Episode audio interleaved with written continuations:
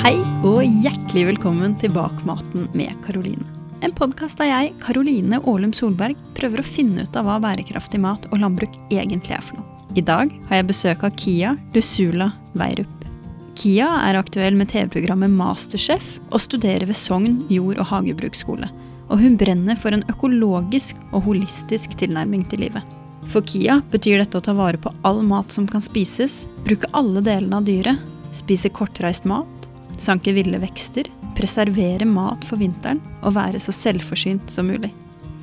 I denne episoden deler Kia tankene sine rundt hva et bærekraftig samfunn er for henne, hvordan hele livet kan leves økologisk, og vi reflekterer rundt at begge føler seg fastlåste i dagens matsystem.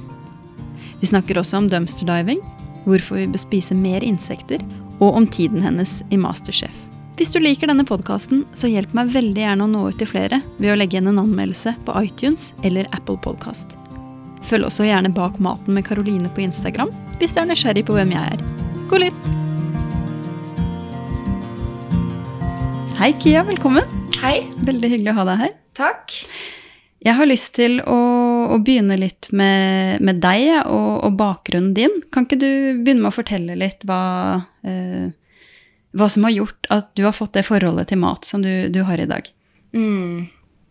Jeg ble introdusert til eh, dumpster diving, som er resirkulering av mat, på en måte. Man går i søppelkasser og ser etter om det er noen råvarer som blir kasta, som man kan bruke. Jeg var del av et alternativt nettverk. Vi bodde i campingvogner. Og da var vi veldig opptatt av ressurser, hvor de kom fra.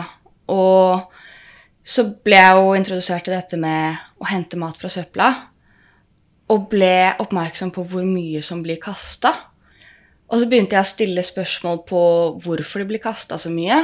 Hva sier det om samfunnet vårt? Og det ble viktigere og viktigere for meg å bruke mest mulig av det vi kaster. Um, jeg hadde vært vegetarianer i mange år, og så begynte jeg å se hvor mye kjøtt som lå der. Og bare én ting er jo at man har dyr uh, på gårder som man skal spise, men når de ikke engang kommer til et bord, mm. går rett i søpla. Mm. Eh, så denne erfaringen begynte å vekke veldig mye spørsmål i meg og mye følelser. Og jeg fant ut at dette må jeg fortsette å undersøke og jobbe med. Du sier at du sier mye om, om samfunnet vårt. Hva, hva, tenker du at vi kaster så mye mat sier om, ja, sier om oss? Det tenker jeg betyr at vi er veldig fremmedgjort for maten. Vi respekterer den ikke. Vi anerkjenner ikke hva det har å si for hvordan vi lever. Når vi har for mye mat her Vi har så mye mat at vi kan kaste utrolig mye uten at det har en effekt på oss direkte. Men det har effekt på andre ledd i produksjonen av den maten som vi ikke er del av og ikke ser. Det forteller meg at vi er fjernet fra mat. Mm. Og vi trenger å bli nærmere den. Hvordan tror du vi skal gjøre det? Det tror jeg at vi skal gjøre ved å undersøke leddene i produksjonen. Um, vi må anerkjenne hvor mye arbeid som ligger bak å dyrke grønnsaker og holde husdyr i en forsvarlig levestandard. Altså dyr skal Hvis dyr skal være produksjonsdyr, mener jeg, så skal de ha et verdig liv. Et liv som er verdt å nevne. Og veldig mange av de dyrene som er produksjonsdyr, har ikke det. Og hvis vi ser mer på det store arbeidet som ligger bak, så vil vi nyte maten mer. Vi vil spise større deler av den og ikke kaste like mye. Og vi vil anerkjenne de menneskene som jobber med produksjonen av mat. Mm. Du sier jo her å, å spise flere deler av dyret. Um, og i auditionretten din til Masterchef så serverte du jo værballer. Ja. Hvorfor uh, Kan du ikke si litt mer om det å på en måte bruke hele dyret på den, på den måten?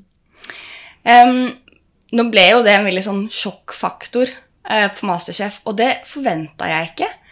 Fordi jeg tenker at det å bruke hele dyret, det å bruke testikler, det er ikke uvanlig Det er noe mennesker har gjort så lenge de har spist dyr. Kanskje uvanlig i dag.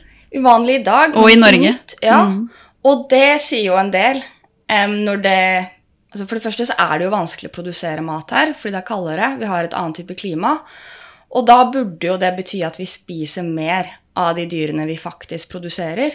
Isteden så gjør vi ikke det. Mm. Så innvoller blir jo omgjort til uh, dyrefôr ofte, eller til biogass. Um, og det syns jeg er veldig trist, fordi det er veldig mye næring i innmat. Og det kan gi oss veldig mye mer. Så um, når jeg serverte baller, så var det egentlig en sånn For meg så, så betydde ikke det at det var noe nytt. Det var sånn Å ja, men jeg liker jo det. Det er jo en veldig lett måte å tilberede innmat på. Det er sunt, det går fort. Det er veldig overkommelig. Det har ikke en sånn kraftig smak. Sånn som lever har en veldig utprega smak. Nyrer òg. Så det tenkte jeg at det her kommer til å falle i smak. Hva, hva smaker eh, baller? Um, bare hvitt kjøtt, egentlig. Det har en veldig nøytral smak. Um, litt eh, mineralsk. Em, det er veldig mye mineraler og vitaminer i det. Men det er mest konsistensen som har noe. Den er sånn svampete. Skjønner.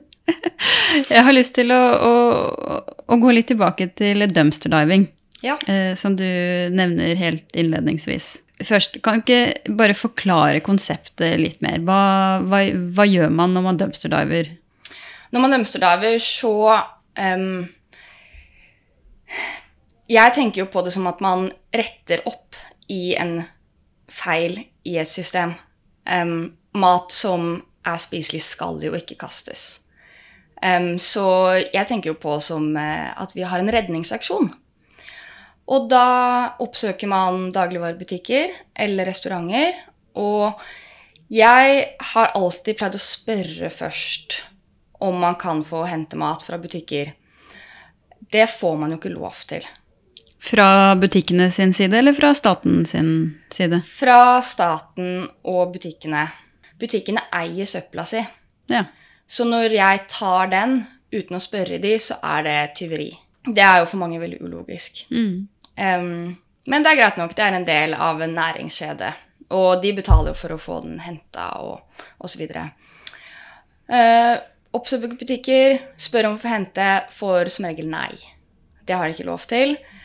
Det er alltid noen butikkansatte som har veldig skjønn på det her, og som ser på seg selv som mennesker utenfor det lovsystemet og sier at så klart dere kan ta mat. Eh, Bare gjør det diskré. Eh, og det har jo blitt det jeg gjør. Jeg gjør det så lite synlig som mulig for å skjerme de som jobber i butikkene. Mm. For at de ikke skal havne i trøbbel for det. Fordi de vet, veldig mange, at det ikke er lov, men at de er uenig i det. Og loven er jo i forandring. Det er et stortingsvedtak nå som, er, som har blitt jobba med i mange år, som skal forby kasting av spiselig mat. Og at butikker er pliktig til å gi det til en veldedig organisasjon. Og det har de jo i Frankrike og Italia, som går veldig bra.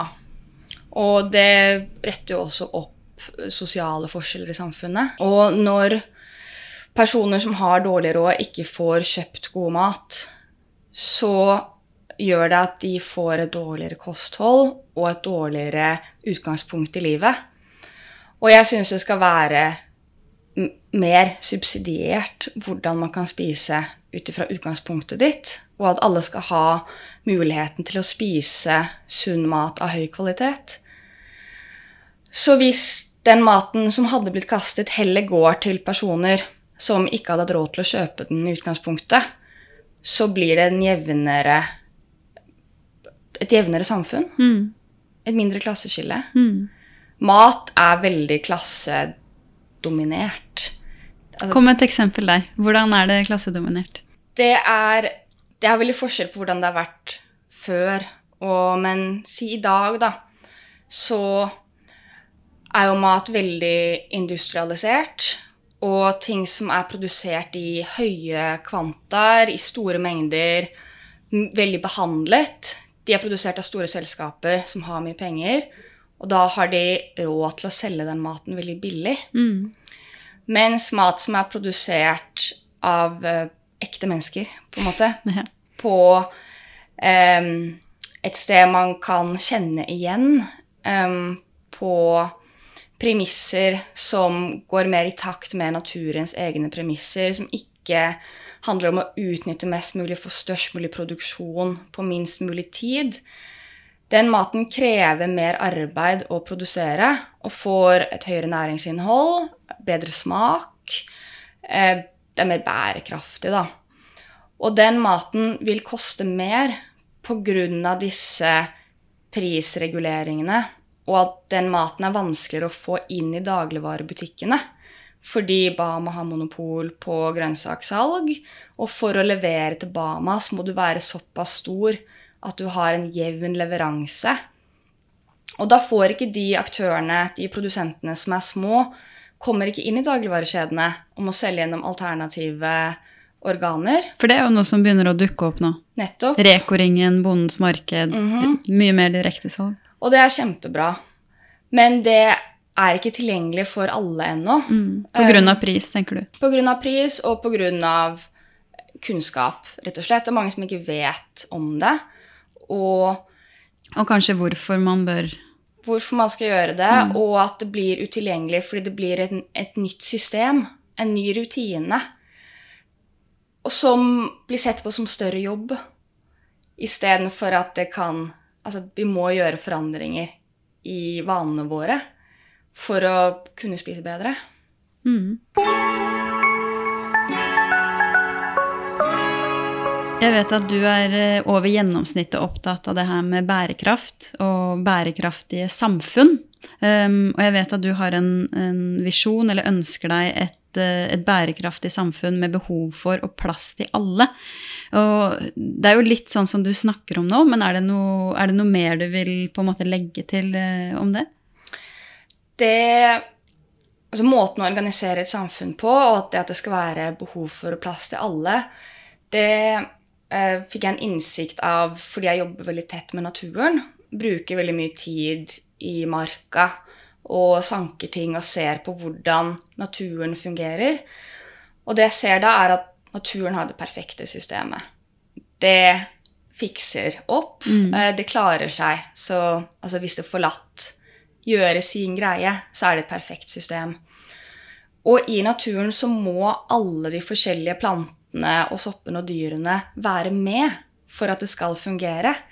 De har hver sin rolle, de tar over for hverandre. Først så kommer pionerplanter som gjør sin jobb, så blir det tatt over av andre vekster. Til slutt blir det trær som skaper et eget system, som faller ned igjen. Og der ser jeg at det må være variasjon. Det må være biologisk mangfold for at det skal fungere. Og det tenker jeg at Og det er det som gjør det robust. Ja. Mm. Og det er det som gjør det Det er ikke hierarkisk. Det er flatt. Alt har sin rolle. Alt er like mye verdt. Og det tror jeg mennesker også trenger når vi organiserer vårt samfunn. At selv om ikke alle har det samme ansvaret, så har alle sammen muligheten til å ta ansvar og en egenverdi. Og at man ser hvilke behov det er for variasjon. Og jeg tenker jo at vi, vi, vi egentlig kan, kan dra inn mat her også. Fordi sånn som i, i dag, så, så er det jo en utvikling mot at vi spiser eh, færre og færre råvarer, da. Så det, ja, jeg syns det kanskje passer godt inn der òg, at vi må finne fram litt den der diversiteten i mat da, som vi har hatt før. Ja, det er vel fem råvarer som det dyrkes mest av. Og Det er mais, potet, So ris soya. og hvete. Mm. Ja. Jeg tror det er de fem utgjør 80% av kaloriinntaket på verdensbasis. Jeg, ikke, ta det med en klype salt, men jeg tror det omtrent ser sånn ut. Og da er jo det også én variasjon av den planten, som regel. Det fins jo et helt hav av variasjoner av mais og potet Mm. som også da vil ha en større næringsvariasjon. Men vi dyrker jo bare én spesifikk type, den som gir mest avling på kortest mulig tid. Og det med å spise variert, der tror jeg at vi trenger ofte å se til tradisjonskosthold. fra sivilisasjoner og fra kulturer. For hvis noe har blitt et tradisjonskosthold, så betyr det at det er næringsrikt og balansert. Ellers så ville det jo ikke blitt en staple. Det ville ikke vært noe man belaget seg på å spise ofte. Hvor, forklar det litt mer. Ser man jo fra Sør-Amerika f.eks. at man har spist eh, mais sammen med bønner og med lime. Og man trenger proteinet fra bønnene til å bryte ned niasinet i maisen, sånn at man klarer å ta det opp. Og med altså lime eller sitron som en sitrus, og som eh, også bryter ned de ufordøyelige delene i mais og bønnene. Og når da eh, de hvite menneskene kom til Sør-Amerika og begynte å dyrke nei, mais selv, så tok de ikke med seg bønnene og limen. Og når da ble den næringsgrunnlaget de hadde, så ble det næringsmangler. Mm. Fordi de ikke hadde helheten i det. Jeg syns på en måte det er litt sånn story of our lives med, når det gjelder menneskeheten. At du har hatt disse uh, urfolksgruppene som vet hva de holder på med, og som har prøvd og feila og gjort seg erfaringer gjennom hundrevis, kanskje tusenvis av år, og så kommer vi uh, med vitenskapen vår og den moderne verden, og så er litt arrogante, da. Og det, det, dere holder på med, er bare tull eller heksekunst eller sant, sånne ting. Og så ser vi ikke verdien av det. Mm. Og så plukker vi ting fra hverandre. Ja, Istedenfor å se helheten. Nettopp. Mm. Og det er jo en gjennomganger i alle utfordringer i samfunnet vårt, egentlig. Ja. Når vi, når vi snakker om, om, helhet og mat og sånn på denne måten, så, så, har jeg lyst til å, å spørre deg hvordan, eh, hvordan er din visjon av et bærekraftig matsystem? Mm. Bærekraft Um, Eller kanskje vi skal begynne med hva betyr bærekraft for deg, før du går løs på det spørsmålet jeg stilte? Bærekraft for meg, um, det har jeg jo fundert på lenge. Uh, og jeg har vel kommet fram til at det betyr å gi tilbake like mye som man tar ut. Mm. Og i praksis så betyr det f.eks. når man dyrker grønnsaker, at man gir jorda, jordlivet, like mye næring tilbake som man tar ut av det når man dyrker, for at det skal kunne fortsette å gi. Og det kan man jo også se på med dyrehold. Man gir dyra respekt, man gir de kjærlighet og anerkjennelse like mye som de gir oss mat og næring når vi skal spise de. Og et, av, et stort problem med dette med import og eksport av mat Eh, er jo at det er eksport av næringsstoffer. Og når vi får inn veldig mye kraftfôr da, til Norge som ikke er dyrka her, det er dyrka i Sør-Amerika f.eks., så tilfører vi et næringsstoff til jorda vår som ikke ville kommet hit ellers, som ikke er vanlig her. Og der hvor det dyrkes originalt, mister de et næringsstoff. Fordi næringen går gjennom kua og kommer ut som gjødsel, og vi bruker det i marka vår. Og så ser vi veldig på hva det skjer her, men vi glemmer å se på hva som skjer der hvor det blir eksportert. Og der blir det næringsmangler. Så nå er det jo fosformangel eh, i store deler av Sør-Amerika, i jordsmonnet, mens det er fosforoppsamling her i Norden. Fordi det har blitt den skeive fordelingen av hvor næringsstoffene kommer tilbake til, kontra hvor de tas ut fra. Det er det motsatte av bærekraft. Mm. Så hvordan Da kan du få svare på det. Hvordan ser et bærekraftig matsystem ut for deg? Det er basert på geografiske betingelser, for én ting. Det er Man dyrker og produserer det som er fornuftig ut ifra klima. Og man spiser um, både mer variert, men også Du kan også si at det blir mindre variert, fordi det blir mindre prosessert mat. Renere mat i um, matens mer naturlige form. Mm. Um, og jeg tror at et bærekraftig matsystem må inkludere alle. Man må anerkjenne mer hvor maten kommer fra. Og man ser det. Man er med å forstå det, alle sammen. Hvordan skal vi få til det i den moderne verden vi lever i, og alle bor i byer?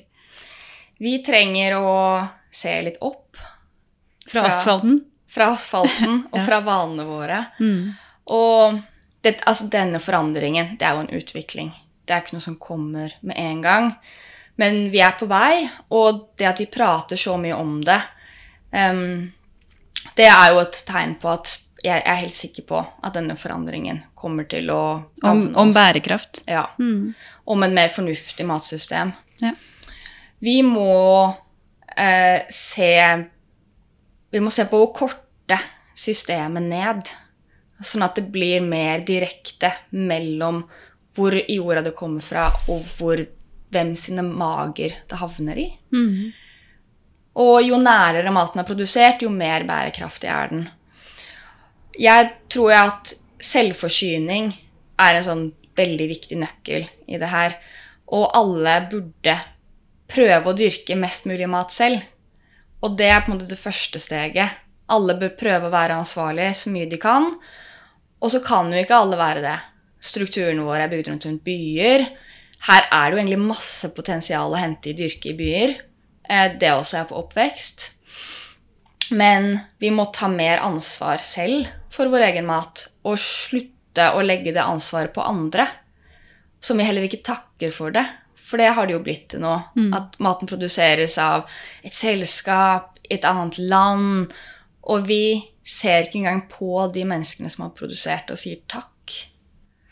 Oppå Jeg jobber for Bondens Marked nå, eh, og på, på pulten min så, så hang det en lapp der jeg begynte som det står 'Shake the hand that feeds you'. Ja, Det syns jeg er litt fint. det var veldig fint sagt. Men eh, kan vi ikke ta det enda litt eh, lenger ned? Dette var et bærekraftig matsystem. Men hvordan ser en bærekraftig matproduksjon ut for deg? Jeg vet du er veldig opptatt av det òg. Det er mest mulig mm, i et lukka system, et holistisk system, som betyr at næringskretsen ikke går utover det stedet som man dyrker på. Eh, Og i praksis vil det bety at man produserer all gjødselet og all komposten som går inn i jorda, den blir produsert på gården. Og det gjør man ved hjelp av husdyr, eh, gjerne drøvtyggere. Kyr og geiter og sauer har helt fantastiske fordøyelsessystemer som gjør at maten blir Eller at gjødselet er fordøyd allerede når det kommer til jorda, og jordbakteriene bare tar det inn direkte. Mm. Og at man da dyrker ting som du har nok gjødsel til å dyrke. At du ikke lager opp en plan for å dyrke masse ting som du ikke egentlig kan, fordi du ikke Som du ikke har ikke har innsats ja, til. Ja, ja. Ja. Mm. Og det gjelder jo også eh, menneskelig arbeidskraft. Det må være mange nok på gården til å gjøre de arbeidsoppgavene som kreves. Nå har vi veldig mye maskiner eh, som et alternativ til menneskelig arbeidskraft, som gir konsekvenser i at det blir f.eks. mye jordpakking, tunge maskiner kjører på jorda, det blir et utslipp, og det blir mye mer svinn fordi maskinene håndterer det ikke skånsomt flere hender i landbruket er en viktig faktor i bærekraftig matproduksjon. Men jeg, jeg tenker vi har veldig mange like tanker rundt akkurat det her. Men når jeg på en måte ytrer disse tingene, så Og jeg tenker kanskje du også blir møtt med noe av det samme. At det er litt sånn uh, Dette blir bare drømmer, da. Hvordan skal vi få til det her? Hvordan passer det inn i dagens system? Det er ingen som har lyst til å jobbe på jordet. Vi har kanaliseringspolitikken uh, som sier at vi skal dyrke det på den siden av landet og det på den siden av landet, og så kjører vi gjødselen over. Og vi er på en måte fastlåst i et system som overhodet ikke gir rom for, for det du skisserer nå, da. Og at det på en måte enten tilhører fortiden, eller i en så fjern framtid at det blir helt uh, utilgjengelig, da. Hva, hva tenker du om det? Ja, vi er fanga i et system. Vi er jo vanevesener. Vi finner jo ting som vi syns er komfortabelt, og så holder vi på det. Fordi det krever mer å endre det. Og vi glemmer at vi har ikke holdt på i denne type system noe lenge i det hele tatt. Dette er helt nytt for oss, og vi prøver oss ut på noe. Vi må Da tenker du på det moderne samfunnet? Ja. Mm. På det moderne jordbruket. Og på at det er blitt såpass industrialisert som det har blitt nå. Og nå, det føles ut som vi har nådd en topp. Og nå må vi nedover igjen. Dette med at folk ikke vil, det tror jeg at folk ikke får muligheten. De får ikke plass. Ehm, og det så vi jo på en måte etter at denne korona-lockdownen kom. Og det ble mye spørsmål om det skulle komme importert arbeidskraft eller ikke.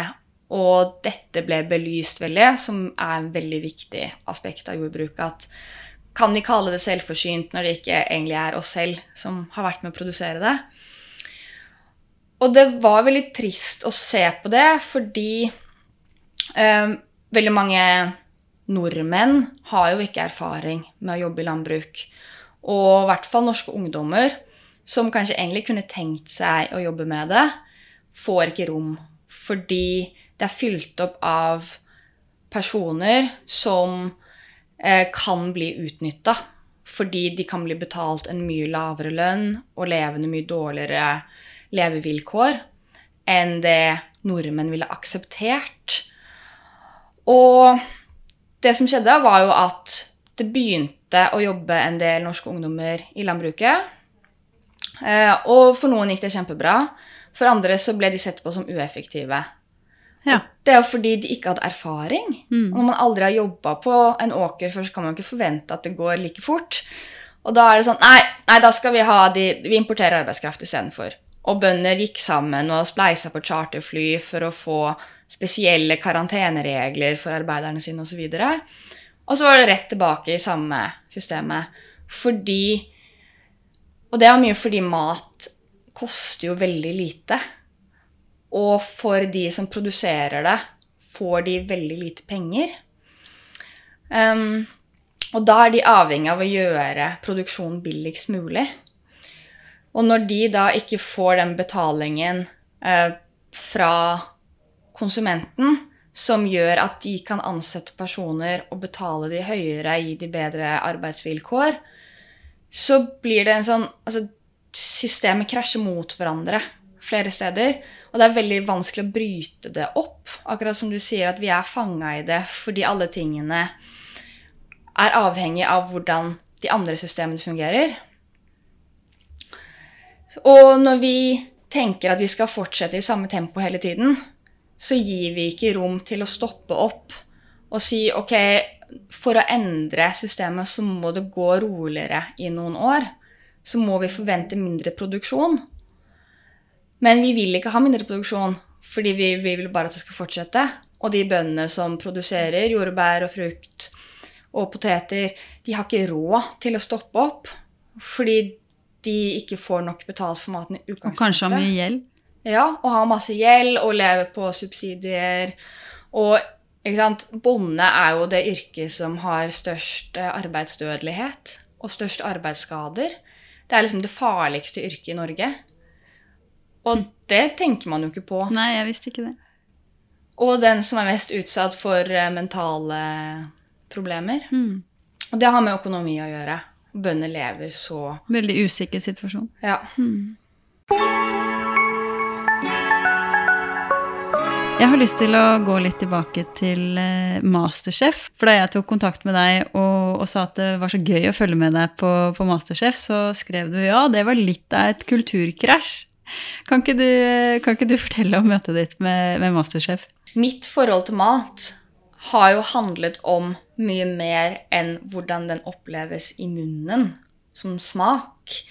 Jeg har sant, denne studeringen av hva det sier for samfunnet vårt, og økosystemet og bonden og sanking. Ikke sant? Mat betyr veldig mye for meg. Um, så jeg kom inn på Masterchef, og så handla det jo egentlig bare om hvordan det smaker i munnen, og hvordan det ser ut på tallerkenen.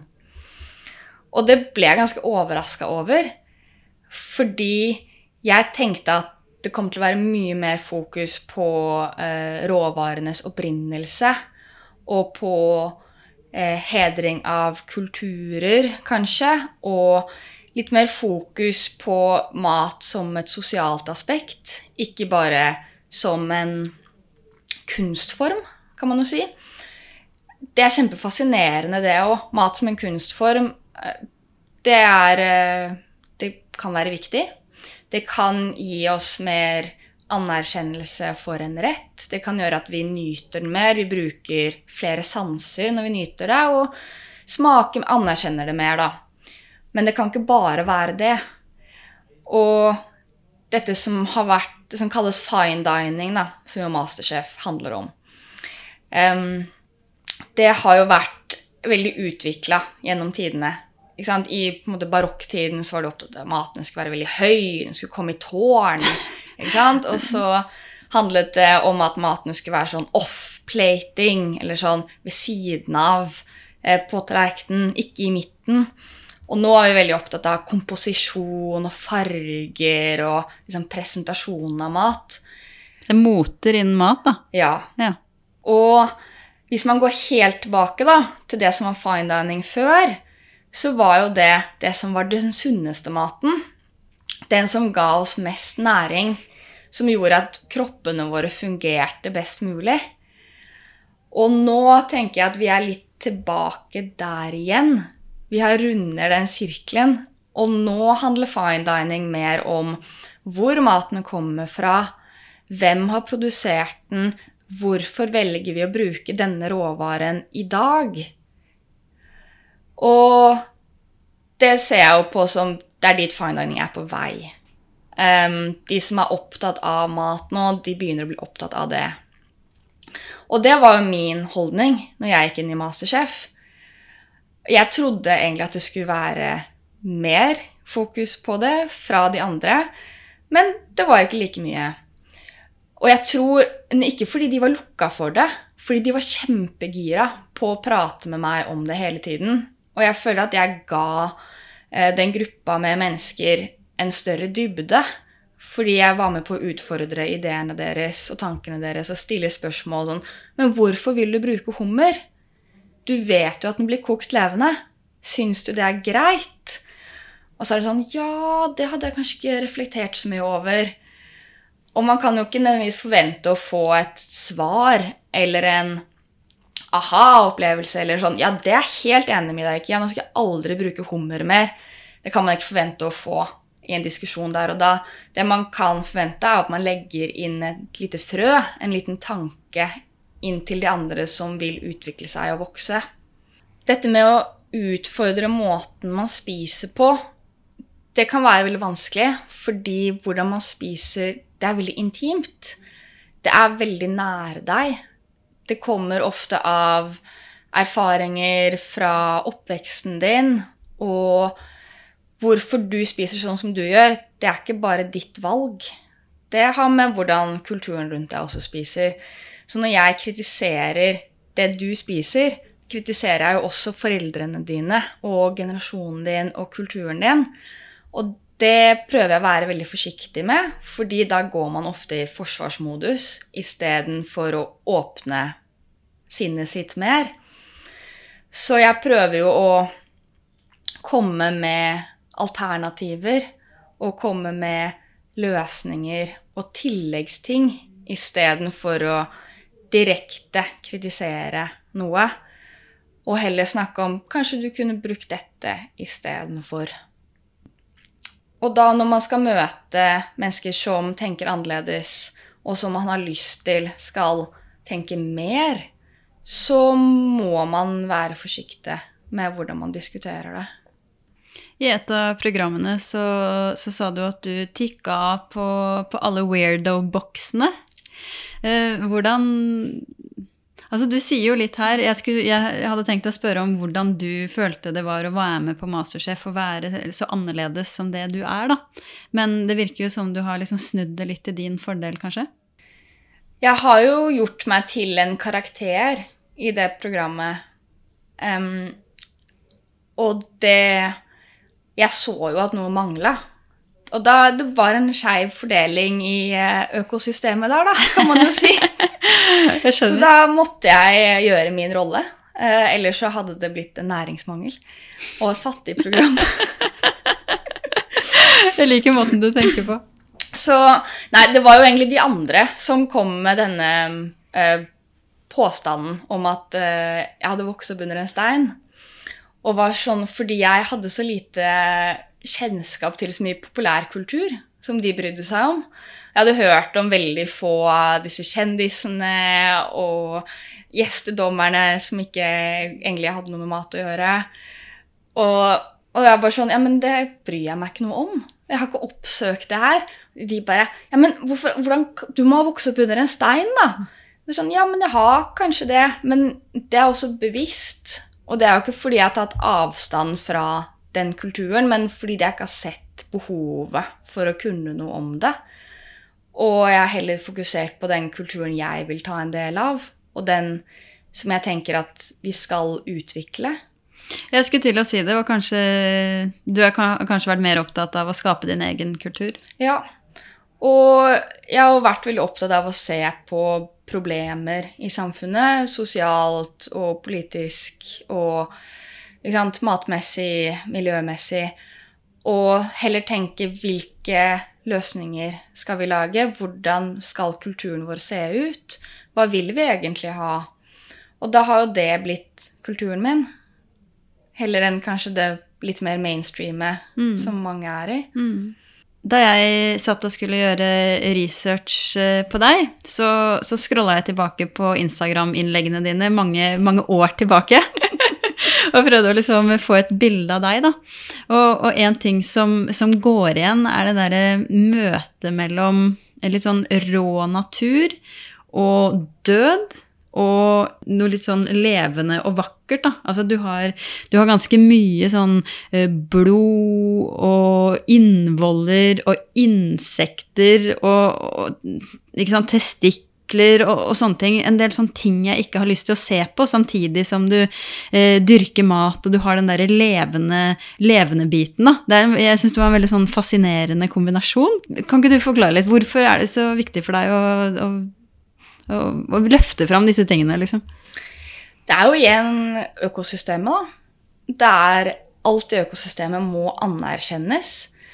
Og det vi har fjernet oss kanskje mest fra i vår kultur i dag, er denne anerkjennelsen av at alt liv det kommer fra noe som er dødt, eller fra bæsj. ja. Vi ser på disse to tingene som noe dårlig, eh, som noe sykt, som noe vi ikke vil ha i nærheten av oss. Men det er der alt liv oppstår. Eh, det å dø, det er en viktig del av livet. Det gir rom for at andre ting skal komme og ta over. Det er en del av hjulet som hele verden vår går i. Og liksom fått en anerkjennelse for at eh, de små detaljene som vi ikke ser så mye på, og som ikke berører oss direkte, de har egentlig veldig mye å si for oss. Som f.eks. insektene, som det blir færre og færre av, men som egentlig gjør veldig viktige ting um, for at vi skal kunne fortsette å leve her. De er med å pollinere maten vår og gjør at maten vil produsere faktisk avkom. At det ikke bare er en plante som aldri får et frø som blir til en frukt som, sant, som, gir oss mat til slutt, det er jo insektene som er med i den prosessen. De bryter ned døde ting i skogen eh, sammen med sopp, som gjør at nytt liv kommer opp fra det. Og vi ser ikke at de blir borte før de systemene ikke fungerer lenger. Før det berører oss direkte? Ja. Mm. Så det um, Det gir meg veldig mye å berøre de aspektene og se på de. Det beriker livet mitt og sinnet mitt, og det jeg føler at det gir meg en ro og en helhet. Og den vil jeg jo tilby andre. Og det er jo det jeg gjør mye gjennom Instagrammen min, er å altså, utfordre folk og eksponere dem for eh, denne oppfattelsen, da og disse ideene, sånn at de kan bli oppmerksomme selv Og utgjøre sin egen erfaring, så klart, og sin egen anerkjennelse av systemet. Men at de blir bevisst på det, og at de ikke er redd for død lenger. Ikke er redd for bæsj.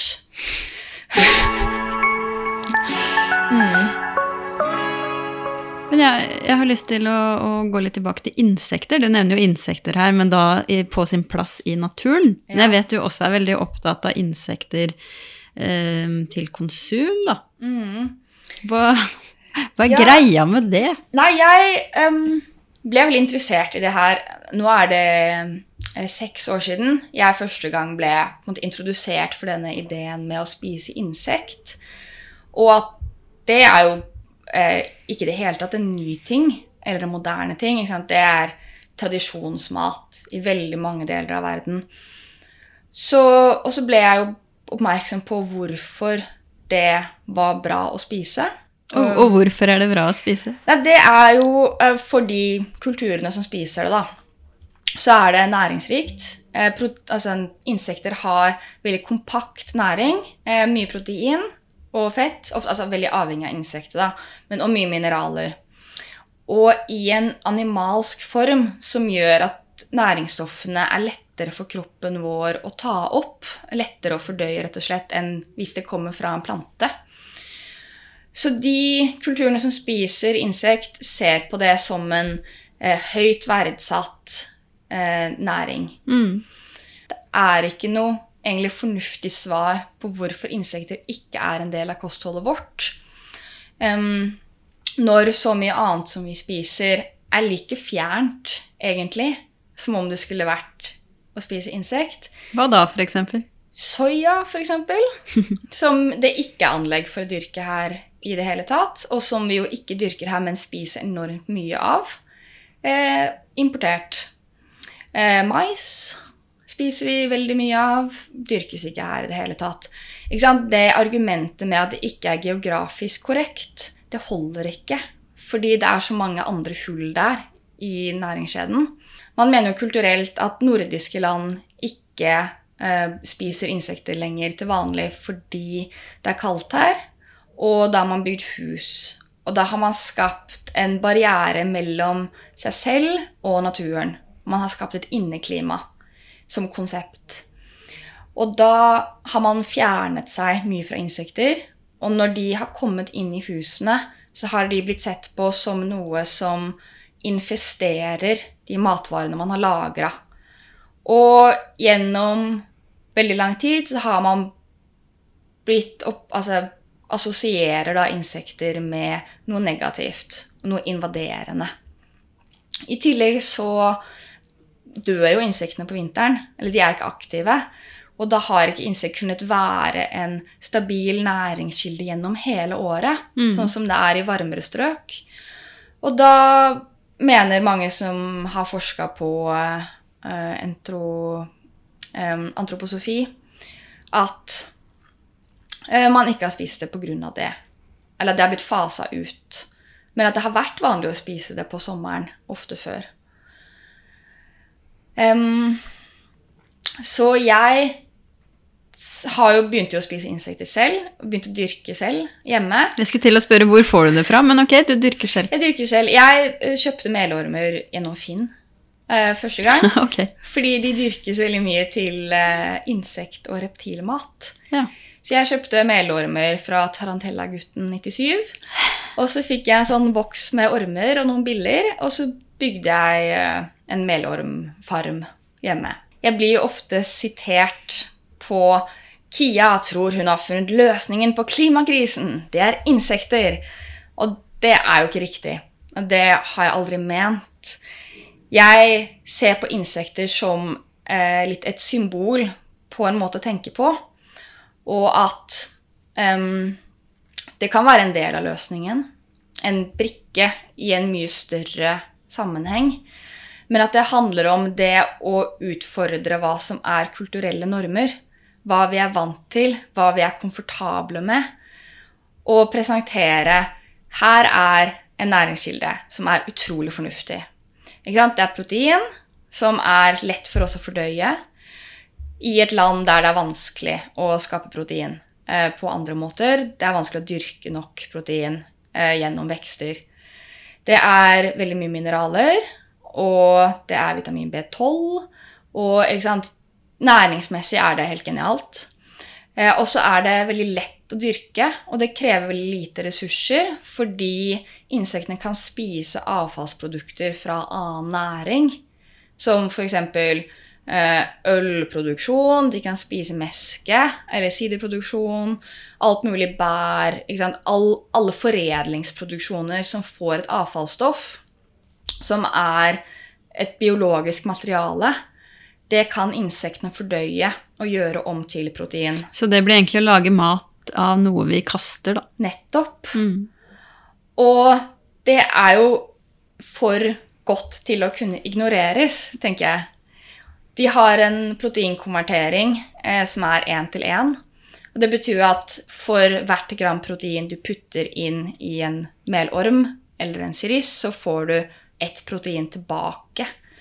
Jeg tror Altså, insekter kan aldri være den eneste animalske proteinkilden vi har.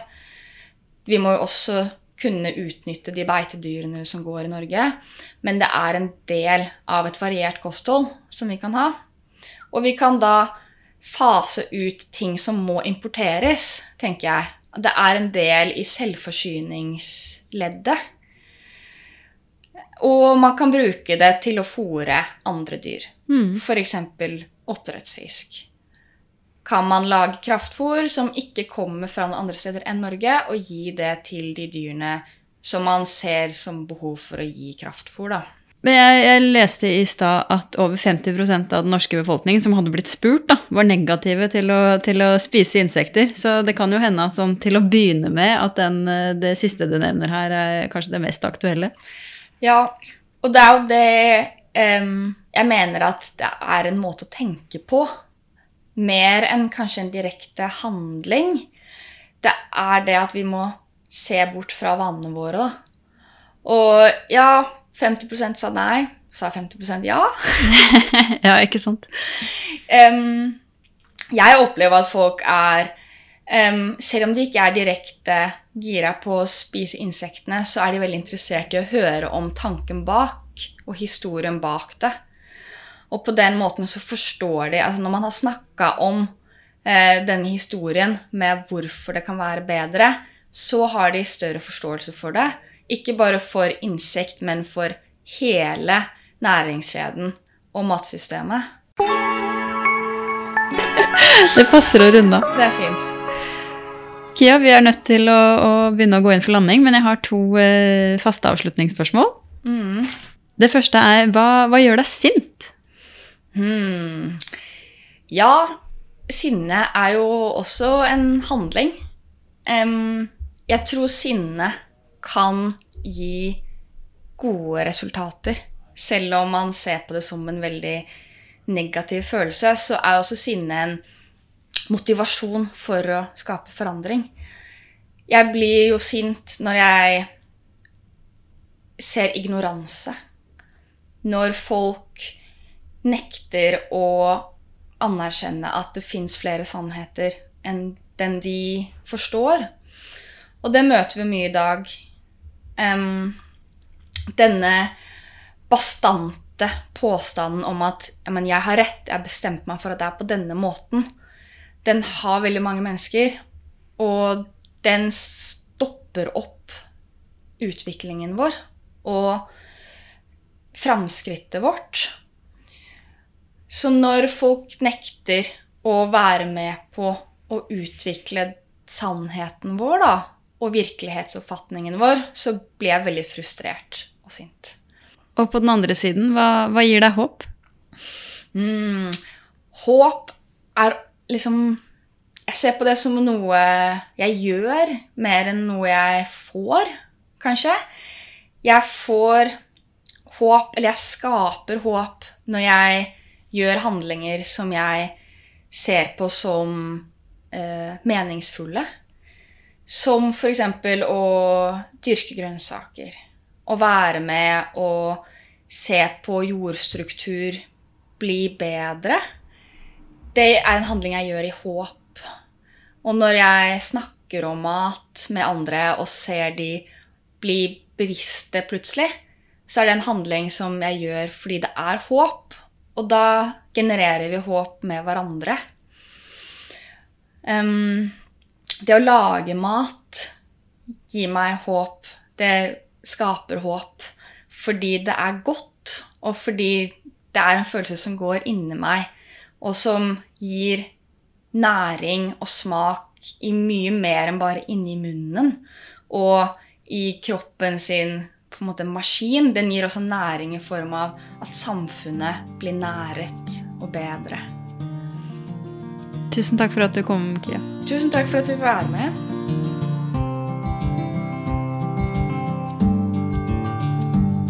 Denne episoden er laget av meg, Karoline Aalum Solberg.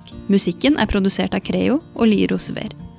Om du vil dele ris eller ros, så finner du meg på Instagram under Bak maten med Karoline, og på karoline.bakmaten.no. Tusen, tusen takk for at du hørte på denne episoden, og husk at det utgjør en stor forskjell om du legger igjen en anmeldelse på iTunes eller Apple Podkast. Vi høres igjen neste uke. Ha det!